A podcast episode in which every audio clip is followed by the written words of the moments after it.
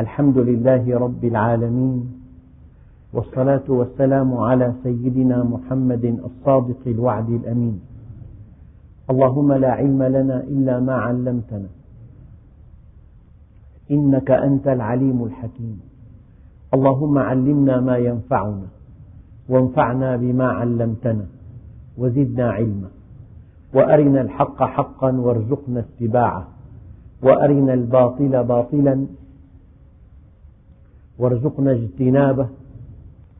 واجعلنا ممن يستمعون القول فيتبعون أحسنه وأدخلنا برحمتك في عبادك الصالحين.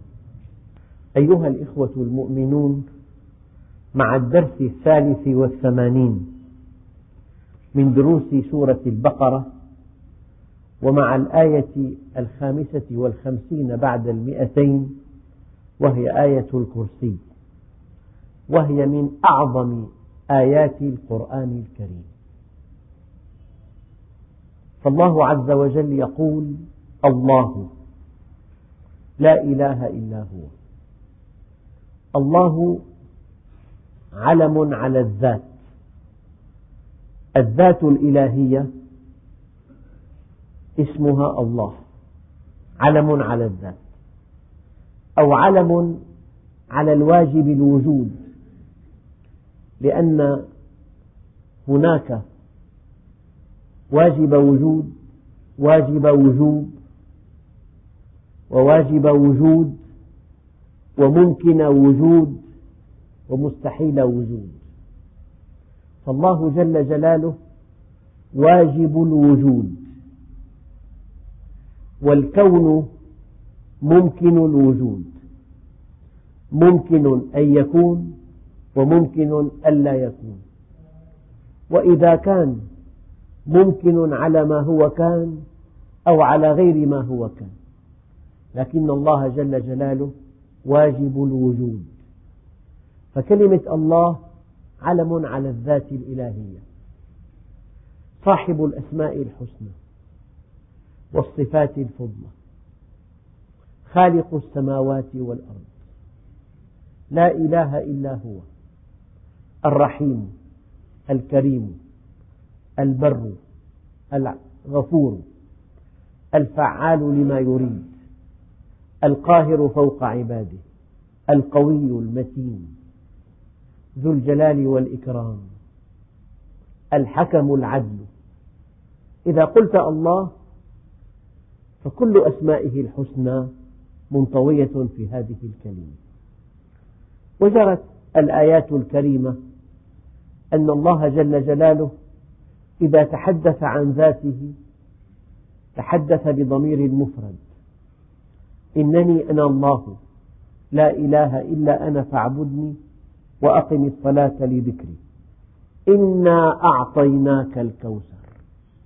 وإذا تحدث عن أفعاله يأتي ضمير الجمع لأن كل أسمائه الحسنى في أفعاله. فكل أفعاله فيها علم وفيها حكمة وفيها عدل وفيها رحمة وفيها لطف. إن تحدث عن ذاته إنا نحن نحيي الموتى إنا أنزلنا الذكر وإنا له لحافظون. وإن تحدث عن ذاته عن ذاته العلية إنني أنا الله لا إله إلا أنا فاعبدني وأقم الصلاة لذكري. الله صاحب الأسماء الحسنى. والصفات الفضلى الله علم على الذات. الله واجب الوجود. الله لا إله إلا هو. الإله هو المعبود. والإنسان من ينبغي أن يعبد؟ ينبغي أن يعبد الذي خلقه. فالله هو الخالق. من ينبغي أن يعبد؟ ينبغي أن يعبد الذي يعلم سره ونجواه. فالله يعلم السر والنجوى. من ينبغي أن يعبد؟ يعبد من يستمع إليه إذا ناجاه. فالله هو السميع العليم. من ينبغي أن يعبد؟ يعبد من هو على كل شيء قدير. فالله على كل شيء قدير. من ينبغي أن يعبد؟ يعبد الرحيم الذي يحبه ويرحمه. فإذا قلت لا إله إلا الله أي لا معبود بحق إلا الله أي لا يستحق العبادة إلا الله أي لا ينبغي أن تعبد إلا الله. أما إذا توجهت إلى غير الله توجهت إلى لا شيء. إن تدعوهم لا يسمعوا دعاءكم ولو سمعوا ما استجابوا لكم. أنت في الأصل من تعبد؟ تعبد. جهة موجودة.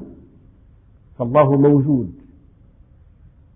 وتعبد جهة تسمعك إذا دعوت. وتراك إذا تحركت. وتعلم ما في سرك. فالإله يسمع ويعلم ويرى ويعلم. سميع بصير عليم. وتدعو من أنت؟ تدعو من هو موجود وتدعو من يسمعك إذا تكلمت ومن يراك إذا تحركت ومن يعلم ما أسررت إذا لم تتكلم تدعو من؟ تدعو من هو قدير على كل شيء قادر على أن يلبي حاجتك مهما عظمت فالله كذلك تدعو من؟ من يحبك أنت في الدنيا لا تسأل إلا جهة موجودة تسمعك وقادرة على أن تلبيك وتحب أن تلبيك. هكذا. فإذا قلت الله لا إله إلا هو أي لا معبود بحق إلا الله. لا ينبغي أن تعبد إلا الله ولا يستحق العبادة إلا الله. والله أهل أن تعبده. لأنه حي باق على الدوام. فلو عبدت إنسانا يموت ضاعت كل آمالك وضاع كل عملك. اجعل لربك كل عزك يستقر ويثبت فإذا اعتززت بمن يموت فإن عزك ميت. من ينبغي أن تعبد؟ أن تعبد الحي الباقي على الدوام. تعبد من هو مطلع عليك عليم بأحوالك مقدر لتضحياتك من هو قادر على تلبية حاجاتك رحيم بك وأنت في بطن أمك وأنت في القبر. هذا الذي ينبغي أن تعبده. بالمناسبة أله تحير من شدة الوجد أي إنك تعبد إلها. لو عرفته على حقيقته لذابت نفسك شوقا إليه. لتحيرت بجماله وتحيرت بكماله وتحيرت بقدرته وتحيرت بعطائه. خلقك ليسعدك. يا أيها الذين آمنوا هل أدلكم على تجارة تنجيكم من عذاب أليم؟ تؤمنون بالله واليوم الآخر. وتجاهدون في سبيل الله بأموالكم وأنفسكم. ذلكم خير لكم إن كنتم تعلمون. يجب أن تعبد من إذا تاجرت معه ربحت عليه ربحا خياليا. فالله صاحب الأسماء الحسنى هو الذي خلق وهو الذي ربى وأمد وهو الذي سير وهو الذي ينبغي أن تعبده. هناك من يعبد حجرا أو بشرا أو شمسا أو قمرا. هذه العبادة لا تعود على صاحبها بالنفع لأن هذا الحجر لا يتكلم. كانت بعض قبائل العرب تصنع صنما من التمر فإذا جاعت أكلته. يعني العبادة أنت مخلوق للعبادة. علة وجودك أن تعبد الله. أنت في الدنيا من أجل أن تعبده. وما خلقت الجن والإنس إلا ليعبدون. في معنى دقيق أرجو الله أن أوضحه لكم. قد تسأل هذه الدائرة هذه المستشفى هذه الجامعة من رئيسها اليوم؟ يقال لك فلان. فلان. عرفت من من يديرها. تقول لهم كيف أخلاقه؟ هل هو إنسان جيد؟ يقال لك جيد جدا. فأنت تهتم الأمر بيد من؟ وهذا الذي بيده الأمر من هو؟ الأمر بيد من؟ وهذا الذي بيده الأمر من هو؟ شوف الجواب. الله صاحب الأسماء الحسنى علم على الذات واجب الوجود هو المسير لا إله إلا هو. يعني كما لو أنك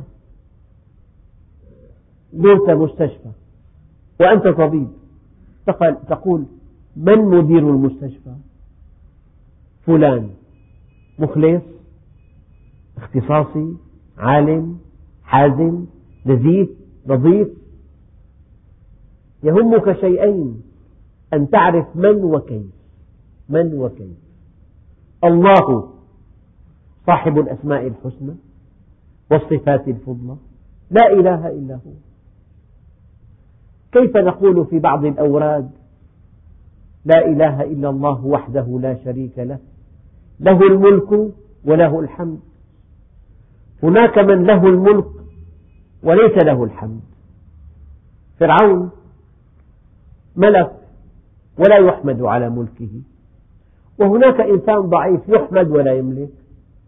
لكن الله عز وجل له الملك وله الحمد. يحيي ويميت. وهو على كل شيء قدير. فهذا المعنى. الله علم على الذات. ولا يستطيع إنسان على وجه الأرض أن يسمي نفسه بهذا الاسم. وقد تحدى الله البشر جميعا. الله لا إله إلا هو. لا إله إلا هو. لو أن في الكون آلهة هل يسكتون؟ لا يسكتون. إذا لم يستطيعوا أن يتكلموا ليسوا آلهة. وإذا تكلموا ولم يستطيعوا أن ينتزعوا الأمر من الإله الذي ادعى الألوهية وحده ليسوا آلهة. لأن الله عز وجل قال لا إله إلا أنا. لو كان هناك إله لقال لا أنا مو أنت. الله لا إله إلا هو الحي القيوم. يعني من يستطيع أن يقول هذا الكلام إلا أن يكون إلها. هناك دليل فطري. أنت حينما تستمع إلى إنسان يقول عينا وزير مثلا مالية. من هذا الذي يقول هذا الكلام؟ رئيس وزارة. من كلامه. لو قال لك واحد راقبت نظافة الشارع. أنا مراقب بلدية. هذا في فرق طبعا. فمن كلامه تعرف من هو. يقول الله لك الله لا إله إلا هو. من يستطيع أن يقول هذا الكلام إلا أن يكون إلها عظيما موجودا وواحدا وكاملا. الحي القيوم. حقيقة الحي من أسماء الذات. من أسماء الذات. وأسماء الذات لا نقيض لها. لها الله عز وجل يعطي ويمنع هي من أسماء الأفعال. يرفع ويخفض من أسماء الأفعال. آه، يعز ويذل من أسماء الأفعال. الحي ما لا نقيض الله عز وجل حي على الدوام. فأسماء الله عز وجل التي لا نقيض لها أسماء الذات والتي لها نقيض أسماء الأفعال الله عز وجل حي. وتقول فلان حي يرزق. طبعا لا يستطيع إنسان على وجه الأرض أن يقول أن يسمي اسمه بالله. ولكن هناك إنسان يقال له حي يرزق. الله عليم وهناك من يقول أنا عالم. الله رحيم وهناك من عباده من يرحم. يعني إذا كانت حياة الله عز وجل حياة أزلية أبدية. لم يسبقها عدم وليس بعدها عدم. فحياة الله غير حياتنا. الإنسان إذا كان حيا يسبقه عدم. هل أتى على الإنسان حين من الدهر؟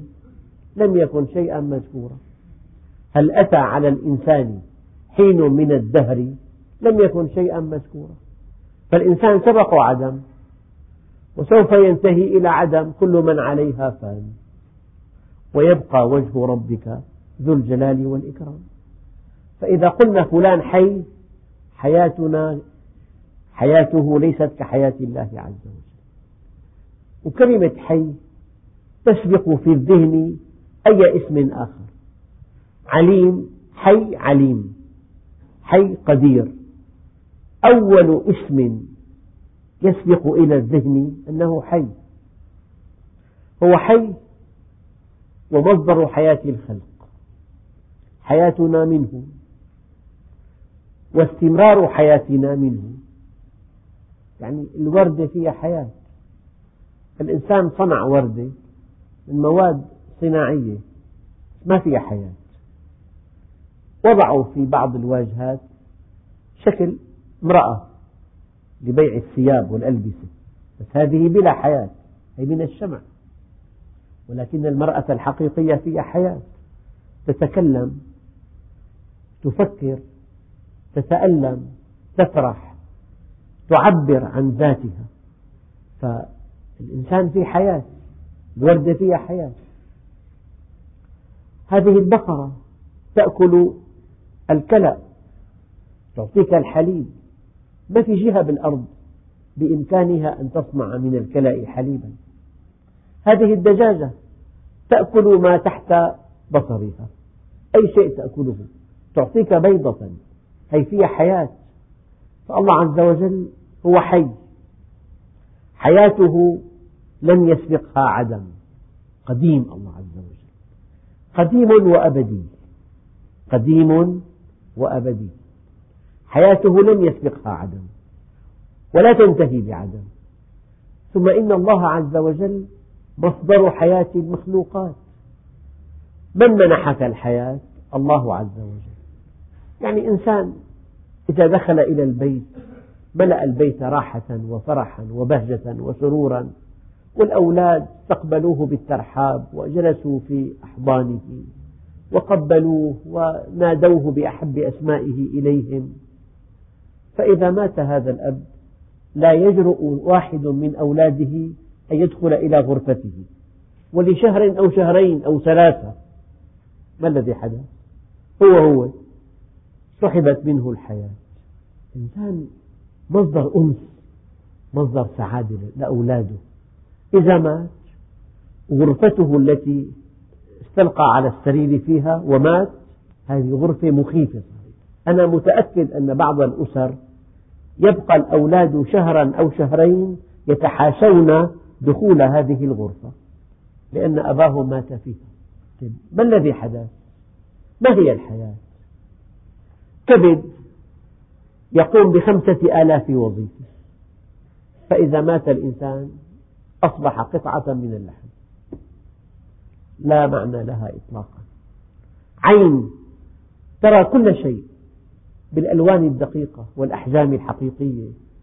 يعني العين آية من آيات الله الدالة على عظمته. فإذا مات الإنسان العين لا قيمة لها. تلقى في المهملات. الله لا إله إلا هو الحي.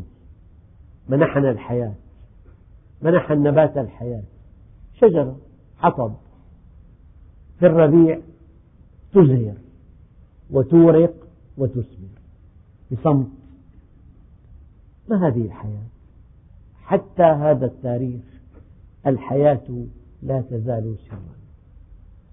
الله عز وجل حي ومنح الحياة تلاقي وردة جميلة جدا. نمت على كون قمامة قمامة روش الحيوانات. تنمو وردة حمراء جميلة جدا. طيب من منحها هذا الجمال وهذا الشكل وهذه الرائحة؟ هي الحياة. يعني حياة الحيوانات حياة النباتات حياة الأطيار. طير طائر. ولد لتوه. عصبت عيناه نقل إلى الهند. يطير ويعود إلى بريطانيا الآن ولد. شو الحياة؟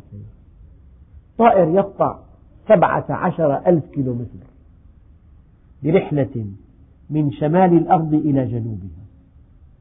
الآن كيف يعود إلى عشه طيور هنا في الشام تهاجر في الشتاء إلى جنوب إفريقيا. الآن بالعودة لو انحرفت درجة واحدة جاءت لمصر كيف تعود إلى دمشق وإلى الصالحية وإلى حي الشيخ محي الدين وإلى بيت من البيوت إلى عشها الذي تركته؟ من يسيرها؟ الله جل هي الحياة. سمك السلمون يولد في أعالي الأنهار في أمريكا ويهاجر إلى المحيط الأطلسي إلى شواطئ أوروبا. ويعود هذا السمك إلى مسقط رأسه. ليموت هناك طيب هذه الرحلة من ساحل فرنسا إلى الغرب. طيب لو انحرفت انحراف درجة واحدة كان بجنوب أمريكا صار بشمالها إلى النهر الذي خرج منه. في أسماك بمنابع النيل تسير برحلة طويلة جدا. تسير في أطول نهر من أنهار العالم النيل. النيل أطول نهر. إلى البحر المتوسط. تتجه غربا. إلى أن ينتهي المتوسط. تخرج من مضيق جبل طارق نحو الشمال. إلى بحر المانش إلى بحر الشمال. ثم تعود. هلا ربان معه دكتوراه بالملاحة. بدون بوصلة يضيع. هي الحياة. من يهدي الأطيار؟ من يهدي الأسماك؟ من يخرج من بذرة شجرة؟ تأكل تينة كم بذرة فيها؟ كل بذرة ممكن أن تكون شجرة. طيب هالنبات خمس غرامات من بذار البندورة تعطي عشرة طن. يعني كل بذرة تعطي مليونين ضعف. هي الحياة. بذور موجودة بالأهرامات زرعت بعد ستة آلاف عام فنبتت. فيها رشيم حي. أما النمل حينما يخزن البذار ليكون زادا له في الشتاء يأكل الرشيم فإذا أخذ الرشيم ماتت البذرة. طيب رشيم يعيش ست آلاف سنة. ثم ينبت. الله لا إله إلا هو الحي. الحياة لا تتسع لها مجلدات ولا دروس في سنوات. الله لا إله إلا هو الحي. هو حي ومصدر حياة المخلوقات ومصدر استمرار حياتهم والموت يخلقه الله عز وجل. الموت لا علاقة له بالمرض. حينما ينتهي أجل الإنسان يموت. هو الذي خلق الموت والحياة ليبلوكم أيكم أحسن عملا. الله لا إله إلا هو الحي القيوم. حي قيوم يقوم على العناية بخلقه. مما يؤكد, يؤكد ذلك لا تأخذه سنة ولا نوم. يعني إشراف دائم إشراف دائم متابعة مراقبة محاسبة معالجة اهتمام عطاء أخذ تأديب إكرام متابعة. كل مؤمن بحسب معاملة الله له. كأن الله عز وجل ليس عنده مخلوق إلا هذا الإنسان. وهو مع كل الخلق ومع كل المخلوقات ومع كل البشر ومع كل من تحت الشمس والقمر. حي قيوم يقوم على العناية بخلقه لأنه رب العالمين.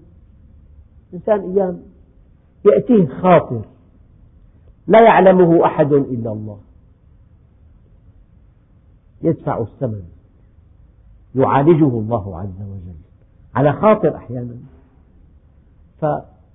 قيوم السماوات والأرض يقوم على إدارتها والعناية بها وتربيتها وإمدادها.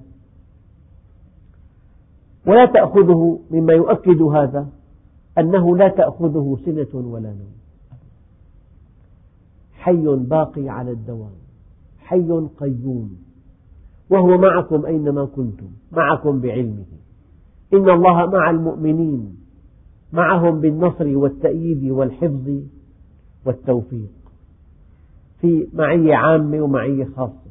المعية العامة مع المخلوقات بعلمه والمعية الخاصة بالإكرام والتأييد والحفظ. لا تأخذه سنة ولا نوم. له. كل هذا الكون له.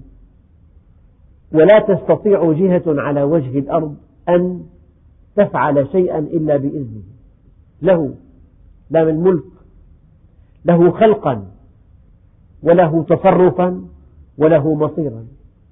أما أنت كإنسان قد تملك بيتا ولا تنتفع به. ملكية ناقصة. البيت لك بس مأجر قبل السبعين. مئة ليرة بالشهر. تملكه ولا تنتفع به. وقد تنتفع به ولا تملكه. وقد تملكه وتسكنه وتنتفع به صار قرار تنظيم أخذت عشر قيمته. راح من إيدك ملكية ناقصة.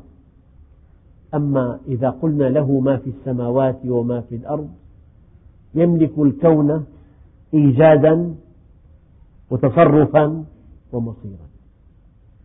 قد تبيع دولة طائرة. بعد أن باعتها أصبحت هذه الطائرة بيد من اشتراها. لكن الله سبحانه وتعالى ملكيته دائمة.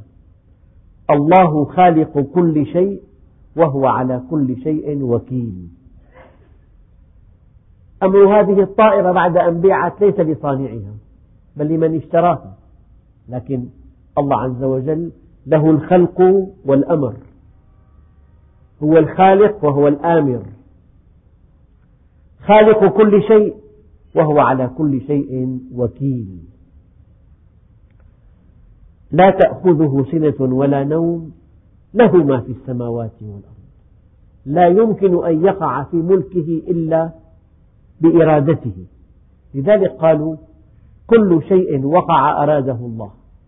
وكل شيء أراده الله وقع وإرادة الله متعلقة بالحكمة المطلقة وحكمته المطلقة متعلقة بالخير المطلق.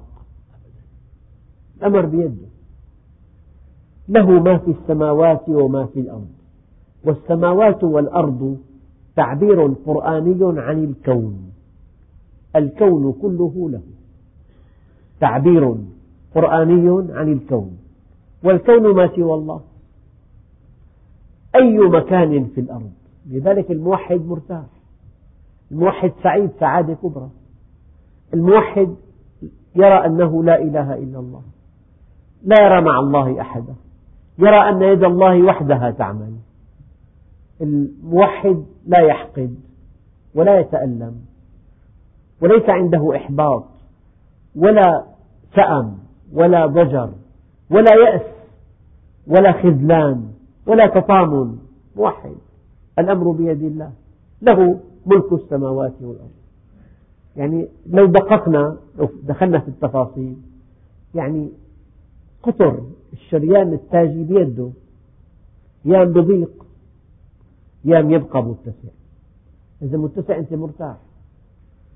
عمل الكبد بيده الدسامات بيده عمل الكليتين بيده الأعصاب بيده نمو الخلايا بيده أيام بفلتها سرطان تضيق الشريان قسطرة عملية قلب مفتوح.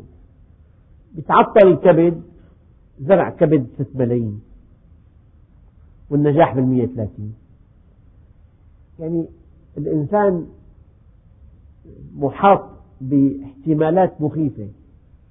له أنت في ملكه وأنت في قبضته وأجهزتك وأعضاؤك بيده له وزوجتك بيده وعملك بيده.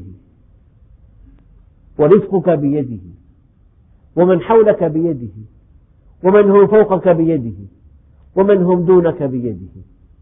هو الذي يعطي وهو الذي يمنع. هو الذي يرفع وهو الذي يخفض. هو الذي يعز وهو الذي يذل. هو إذا أعطى أدهش. في رجل خامس رجل ثري بتركيا. خامس رجل. يعني إذا في خمسة بألوف الملايين. كل أمواله بيوت في أجمل منطقة بتركيا. بيوت أبنية فخمة جدا. وهو يقول متبجحا سأسكن كل إنسان في بيت. جاء الزلزال لم يبق له من كل أبنيته بيتا واحدا ولا بيت. سكن تحت الخيمة ومسك الصحن ليأكل الطعام الذي جاءت به الجمعيات الخيرية. وقد صور ونشر هذا. خامس غني. الله عز وجل سلبه كل شيء في ثواني معدودة. له شارع على البحر في إزميت بكامله. بأبنيته الشاهقة بمركباته الأنيقة. ابتلعه البحر. بعد حين نزلوا بغواصة وصوروا فإذا هذا الشارع كما هو في قاع البحر. البناء مثل ما هو الطوابق حتى التدقيق الانترفون الاسم السيارة إلى جانب البيت بقاع البحر. له ملك السماوات والأرض. طائرة تطير ثانية تصير وقد مات جميع ركابها. وقعت فوق فندق. له الطائرة تطير بيده. بأي لحظة تصبح كتلة من اللهب. المركبة بيده. الحر بيده. 44 هي جو مكة هذا مو جو دمشق. الحر بيده البرد بيده الأمطار بيده. أماكن فيها مطر 1200 ملم في منطقة بأمريكا تسعة عشر ألف بحيرة فيها. أكبر تجمع مائي في العالم. والنبي قال ما عام بأمطر من عام. كميات الأمطار في العالم واحدة. بس كل سنة إلى ترتيب. يصرفها عن أناس ويسوقها إلى أناس. يؤدب هؤلاء ويمتحن هؤلاء. له. الأمر بيده الحروب بيده الاجتياحات بيده الحروب الأهلية بيده الأمراض بيده مرض الإيدز بيده له كل ما في الكون له. يعني أمره له إحداثا وإعداما إحداثا وإعداما وتنمية وتقليلا أمر بيده. هذا التوحيد. لا ينبغي أن ترى مع الله أحدا. أرسلت أمريكا إلى الفضاء الخارجي مركبة. سموها المتحدي. بعد سبعين ثانية كانت كتلة من اللهب. ومات كل من فيها. صنعت باخرة اسمها تيتانيك. أعظم باخرة صنعت في أوروبا. مع نشرة صناعتها إلى كتيب إن القدر لا يستطيع إغراق هذه السفينة. هي شيء يصعب تصديقه. في أول رحلة غرقت. وارتطمت بجبل ثلجي شطرها شطرين. الآن يبحثون عن حلي النساء التي فيها. بمبالغ فلكية. الآن في هذه الأيام يغوصون ويدخلون إلى داخلها وداخل غرفها وهي من عام 1912 تصوروا الألماس والذهب والفضة فيها. أول رحلة. يعني الزلازل الزلازل والبراكين والقحط والجفاف والأمطار والسيول الجارفة والأعاصير. وازدهار ازدهار الأراضي وشح المياه بيده كله. له كل ما تراه عينك بيده. بس بحكمة بالغة أعيد المقولة كل شيء وقع أراده الله. وكل شيء أراده الله وقع. وإرادته متعلقة بالحكمة المطلقة وحكمته المطلقة متعلقة بالخير المطلق. له ما في السماوات وما في الأرض. ملكية تامة. إيجادا وتصرفا ومصيرا. خالق كل شيء وهو على كل شيء وكيل. له الخلق والأمر. إليه يرجع الأمر كله. فاعبده وتوكل عليه. ما لكم من دونه من ولي ولا يشرك في حكمه أحدا هو في السماء إله وفي الأرض إله. وفي الأرض إله. الحوادث لا تعد ولا تحصى. له ما في السماوات وما في الأرض. من ذا الذي يشفع عنده إلا بإذنه؟ المعنى الواسع جدا. من من يستطيع أن يجمع شيئين؟ الشفع هو الزوج. يعني يجمع هذه هذا العقرب مع هذا الإنسان ويلدغه من؟ إلا بإذنه. أبسط مثل واحد نايم بمكان بمكان فلاة في رحلة صيفية. فيها عقارب. لا يستطيع العقرب أن يلدغ نائما إلا بإذن الله. ولا أن تدخل رصاصة إلى إنسان إلا بإذن الله. شظية طائشة ما في عند الله عز وجل. في شظية مسومة. عليها اسم من تقتله.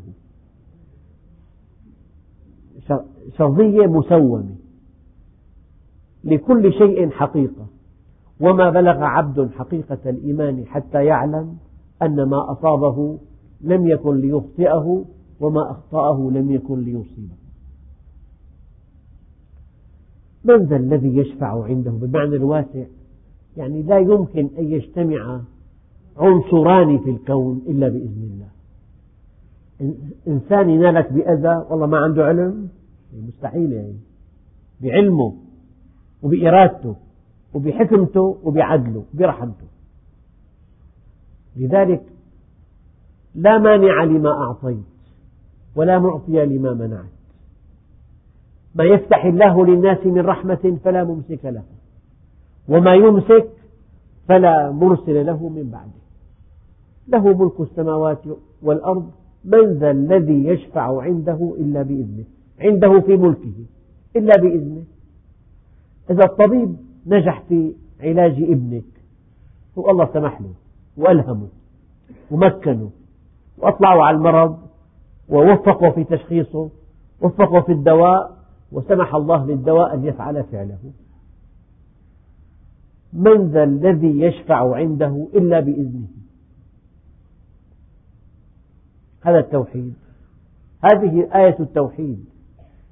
يعني أول شيء نحن في ملكه لأن الحركة بأمره. نحن في ملك الله.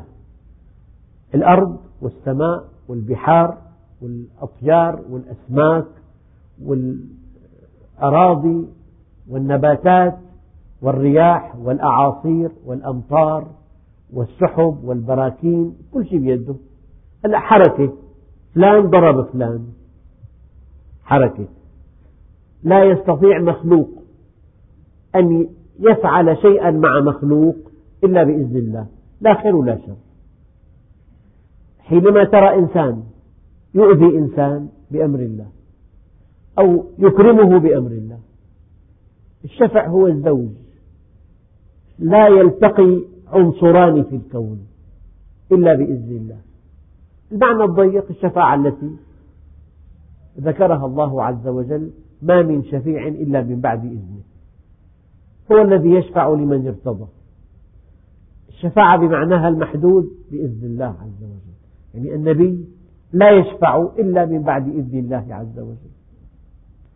من ذا الذي يشفع عنده إلا بإذنه يعلم ما بين أيديهم. ما بين أيديهم يعني أمامهم. وما خلفهم ما وراءهم. أو ما بين أيديهم عالم الشهادة وما خلفهم عالم الغيب. يعني هالإنسان ولد يا ترى ماذا سيكون؟ تاجر معالم مصلح اجتماعي مجرم بيموت إعدام بيموت بحادث بيموت على فراشه بينجب أولاد. يعلم ما بين أيديهم وما خلفهم. عالم الشهادة المشهود وعالم الغيب. نحن عندنا غيب الحاضر وغيب الماضي وغيب المستقبل. غيب المستقبل ما سيأتي وغيب الحاضر مكان بعيد. ما بين أيديهم عالم الشهادة وما خلفهم عالم الغيب. هو الذي يعلم. لذلك قال الإمام علي علم ما كان وعلم ما يكون وعلم ما سيكون وعلم ما لم يكن لو كان كيف كان يكون. يعلم ما بين أيديهم وما خلفهم. ولا يحيطون بشيء من علمه إلا بما شاء. كل كل شيء تسمعون عن اختراع اكتشاف قفزة في عالم المجهول كله مما سمح الله به. مما سمح الله به. يعني الله عز وجل قال والخيل والبغال والحمير لتركبوها وزينة. قال ويخلق ما لا تعلمون. عزي صنع الطائرة إلى الله. هو الذي ألهم الإنسان صنع الطائرة. ألهم الإنسان اكتشاف وقودها. إذا كل شيء يفعله الإنسان من إلهام الله له. يعني هلا لك عرفنا جنس المولود. ذكرا كان أو أنثى. ولا يحيطون بشيء من علمه إلا بما شاء. شاء لهم ذلك. أما الآية ويعلم ما في الأرحام ما قال يعلم من في الأرحام قال ما. ما تشمل كل المعلومات المبرمجة التي في النوية يعني في خمسة آلاف مليون معلومة مبرمجة. هذه يعلمها الله. سمح لهم أن يعرفوا ذكرا كان أو أنثى عن طريق أجهزة. يعني كل شيء سمعتوه كشف علمي اختراع تفوق مما سمح الله به. نقلوا الصورة من قارة لقارة مما سمح الله به. نقلوا الصوت اخترعوا طائرة اخترعوا مركبة إلى الفضاء غزوا الفضاء غاصوا في البحار اخترعوا أجهزة حديثة جدا. كل شيء علمه الإنسان. مما سمح الله له به وانتهى الأمر. مما سمح الله له به. ولا يحيطون بشيء من علمه إلا بما شاء. بآية ثانية وما أوتيتم من العلم إلا قليلا. قليلا. يعني في عندنا حموض أمينية. حمض أميني واحد. أن يأتي صدفة يحتاج إلى حجم يزيد عن حجم الكون. تركيب الحمض الأميني معقد جدا. هذا الحمض الأساسي في الإنسان. فلو أردنا أن يكون هذا الحمض مخلوقا صدفة يعني أنت لما تضع عشر أرقام في كيس تسحبهم احتمال أن تخرج هذه الأرقام بالتسلسل واحد من عشرة آلاف مليون عشر أصفار. واحد أخذت له تسعة طلع تجي واحد واحد من عشرة. طيب بعد الواحد اثنين واحد من مية. بعد اثنين ثلاثة واحد من ألف. فعندنا عشر أصفار الستة مليون والأربعة عشرة آلاف مليون. يعني أن تسحب عشر أرقام متسلسلة احتمالها حالة واحدة من عشرة آلاف مليون حالة. تركيب الحمض الأميني معقد جدا. قال الكون بكامله لا يكفي ليخلق حمض أميني واحد صدفة. أيها الإخوة لا تدهش إذا سمعت عن كشف علمي. يجب أن توقن يقينا قطعيا أن الله سمح لهم أن يعرفوا لحكمة أرادها الله عز وجل. يعني ولا يحيطون بشيء من علمه إلا بما شاء. وهذا الذي شاءه قليل جدا وما أوتيتم من العلم إلا قليلا. لكن هناك من يؤله الإنسان. الإنسان عبد وعبد فقير. وقال بعض العلماء المخترعين العبقرية تسعة وتسعين بالمئة منها عرق وواحد بالمئة إلهام. يعني هذا الإنسان حينما صدق في كشف هذه الحقيقة سمح الله له بها. لكن الله لا يعطي الشيء بسهولة بصبر شديد وبإصرار شديد. يعني أي مخترع أو أي كشف أو أي تفوق علمي لا ينبغي أن يزلزل الإنسان. أي الآية بتغطي نعم. وسع كرسيه السماوات والأرض. الكرسي والعرش أسلم تفسير نفوض أمرها إلى الله. لأنه في آيات لا تزيد عن أصابع اليد تتعلق بذات الله. كيف أنه يأتي وجاء ربك؟ وكيف أن يد الله فوق أيديهم؟ وكيف أنه آه، تعلم ما في نفسي؟ ولا أعلم ما في نفسك. آيات لا تزيد عن أصابع اليد. متعلقة بذات الله تعالى. أسلم تفسير أن نكل أمرها إلى الله.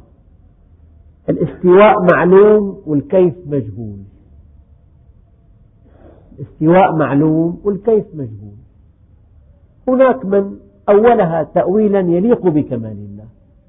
الأولى أن نفوض. فإن لم نفوض نؤول بما يليق بكمال الله.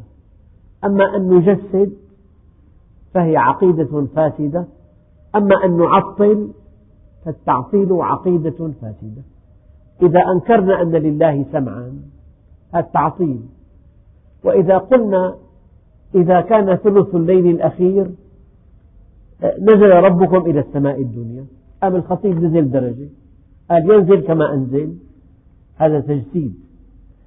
التجسيد عقيدة فاسدة. والتعطيل عقيدة فاسدة. الآيات القليلة جدا التي لا تزيد عن أصابع اليد المتعلقة بذات الله الأولى أن نفوض أمرها إلى الله. أو أن نؤولها تأويلا يليق بكمال الله والتفويض أولى. فقال العلماء الكرسي علمه وسع كرسيه أي علمه السماوات والأرض. ولا يؤوده حفظهما وهو العلي العظيم. أي لا يعجزه حفظهما لا يتعبه حفظهما ما مسنا من لغوب اللغوب التعب وهو العلي العظيم. فهذه الآية أيها الإخوة هي آية الكرسي. هناك أحاديث كثيرة جدا في فضلها والإنسان قبل أن يسافر يقرأها قبل أن يستلقي إلى فراشه لأنه مريحة من ذا الذي يشفع عنده إلا بإذنه. يعني أيام بنشأ خطأ بالبيت يحترق البيت كله. وهو نائم. فأنت إذا نمت أنت في رعاية الله. هذه السورة الآية تقرأ قبل السفر في الدخول إلى البيت عند الاستلقاء للنوم. تعطيك التوحيد الأمر بيد الله.